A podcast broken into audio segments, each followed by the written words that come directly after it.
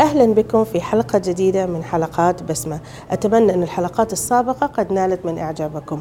وإذا حابين تتكلموا في أي موضوع حياتي أو نفسي تواصلوا معنا وإن شاء الله بنتكلم في الموضوع. بما أنه داخلين على شهر أكتوبر. وشهر أكتوبر آه، من الأشهر المميزة للصحة النفسية لأنه 10 أكتوبر يوم الصحة النفسية. فبنبدأ شوي نتكلم عن أمور نفسية فخليكم معنا.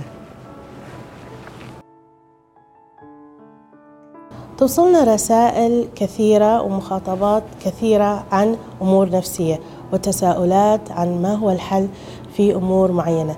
اليوم حابة أني آه، أكلمكم عن رسالة معينة بس حابة أني أذكر أنه كل رسالة توصل لنا إحنا ما بنذكر الاسم وبنحور شوي في الموضوع عشان أهمية السرية. طيب خلينا نبدأ مع الرسالة الأولى في حلقات بسمة. الرسالة تحكي عن شاب آه ما شاء الله عليه في عمر مثل ما يقولوا عمر الشباب فحياته ماشية بطريقة طبيعية يروح العمل يطلع مع أصدقائه آه يروح عزايم يصلي في المسجد يعني الأمور الطبيعية اللي كل شاب آه يقوم بها. في أحد الأيام كان طالع مع صديقه وهم طالعين صدمتهم سيارة. ويقول من هذاك اليوم كل حياتي انقلبت فوق تحت. من هذاك اليوم أموري تلخبطت تماما. طبعا صديقه توفى الله يرحمه وهو بدأ يصير له حالات نفسية اللي هو مش شيء طبيعي لأنه هو الحين في حالة صدمة. الفكرة أنه هو ما كان فاهم ليش هذه الأمور جالسة تصير له. يعني جالس يتساءل ليش أنا الحين لما أطلع أبدأ أخاف. وليش صرت الحين طول الوقت أخاف في موضوع الموت؟ وليش دائما لما أروح المسجد ما أقدر أكمل صلاتي؟ ليش صرت ما أحب أروح عزايم أتوتر؟ أحس لما أبدأ أتكلم كأنه ما أقدر أتنفس. يبدأ التركيز عندي يقل. أحس أنه بيغمى علي. فكل هذه الأشياء أنا ما فاهم ليش جالس يصير لي. أنا مؤمن بالله عز وجل ومؤمن بالقدر لكن في نفس الوقت ما أعرف كيف أتصرف في هذا الموضوع. طبعا صديقنا الشاب جالس يمر بحالة اسمها PTSD وهو ما بعد الصدمة. ما بعد الصدمة تصير في أمور كثيرة. الدراسات الأولى كانت تورينا أنها أكثر شيء كانت تصير للجنود في الحرب. إنه أثناء الحرب أو أثناء المعركة هم ما حاسين بالحزن أو بالقلق أو الخوف لأنه عندهم مهمة لازم يسووها. بعد الحرب بعد ما يروحوا البيت ويبدأوا خلاص يستقروا في بيتهم تبدأ عليهم أعراض مثلا الخوف الشديد آه، التعرق الشديد عدم النوم. فكانوا ما فاهمين من إيش. فاكتشف العلماء النفسيين إنه هذا الشيء اسمه ما بعد الصدمة. ما بعد الصدمة يصير من أمور قوية جدا مرات ما نتعامل معها في نفس الوقت. أنا تكلمت عن الحروب مرات في الحوادث مرات في آه، خبر مؤسف أو شيء شفناه وما قادرين نستوعبه. إنزين إيش الأشياء اللي الواحد لازم يسويها؟ أنا اليوم أتكلم عن نقاط خفيفة طبعا هي يحتاج لها شغل كثير لكن بحاول أني أتكلم في نقاط خفيفة أولا عشان أي حد جالس يشوف يحاول أنه يستوعب هذا الموضوع. لما يكون عندنا شيء اسمه ما بعد الصدمة. يكون عندنا قلق شديد. ونوعا ما يتحول إلى هلع. الحين لما حد يسألني إيش الفرق بين الهلع والخوف؟ بنتكلم فيه في حلقات آه، مقبلة إن شاء الله. لكن الخوف شيء منطقي. مرات الهلع يكون من أشياء ما معروفة. بس أنا بروح مكان وأنا خايف. طب ليش خايف؟ ما أعرف. زين؟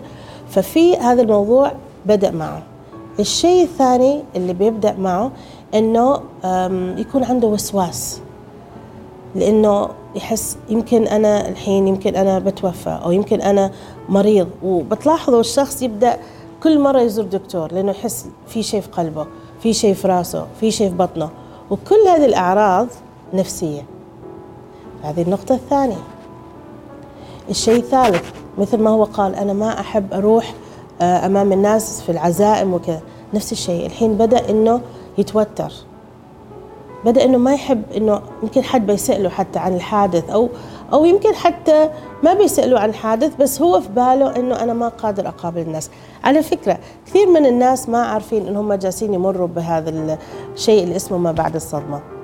وكثير منهم لما يجوا لي ما يقولوا لي إنه أنا صار لي هالموقف.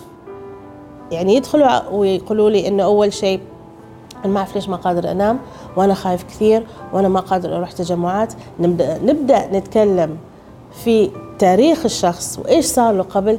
دائما في شيء وهذا الشيء هو اللي جالس يتعامل معه الآن. ويمكن بيقول لي إنه طيب أنا هذاك الوقت كنت زين ما فيني شيء. ليش الحين؟ مثل ما قلت لكم مرات إحنا نحاول نتعامل مع شيء بس جسمنا ما قادر يستوعبه. فلما حد يكون عنده مثل هذه الحالة. أول شيء لازم تستوعب إنه أنا عندي مشكلة. لازم تروح تشوف أخصائي نفسي. كثير من الناس بيقولوا لي لا إذا أكلم حد في البيت. حلو. بس دائما تربطنا بين الأشخاص مثل الأهل أو الأصدقاء علاقة عاطفية. فما بيقدروا يفصلوا بين الاثنين. إحنا كأخصائيين نقدر إنه نتعامل مع هذه المواقف. تروح عند الأخصائي تتكلم عن هذا الموضوع وهو بيبدأ يعطيك مراحل إنه كيف تتعداها. مثل ما قلت أول شيء أنك تعترف أنه أنا عندي مشكلة. ثاني شيء تبدأ تشتغل على نفسك تكتب النقاط اللي تخوفك وليش تخوفك. ثالث شيء إيش نسوي؟ نبدأ نكتب جدول وهذا الجدول نكتب فيه الأيام اللي تصير فيه الأعراض. ومتى وكيف. ونتذكر أنه في الآخر كله بأمر الله. وكثير من الناس يقولوا لي كثير صعب إنه أنا أفكر بهالطريقة صح. لكن في الآخر الأمور مش بيدنا. إحنا علينا إنه نتوكل على الله. لأنه حتى الحين إذا حد بس طلع مثلا من الباب الواحد ما يعرف إيش بيصير له صح. فابدأوا بالعلاج. لو أنتم بدأت تصير عندكم مثل أعراض صديقنا هذا الشاب. لمعلومات أخرى تواصلوا معنا وإن شاء الله بنرسل لكم كل اللي تحتاجوه عشان تعرفوا كيف تجتازوا مثل هذه المواقف. ومثل ما دائما دائما نقول إنه التغيير دائما دائما يبدأ بك أنت. يومكم سعيد ودمتم بود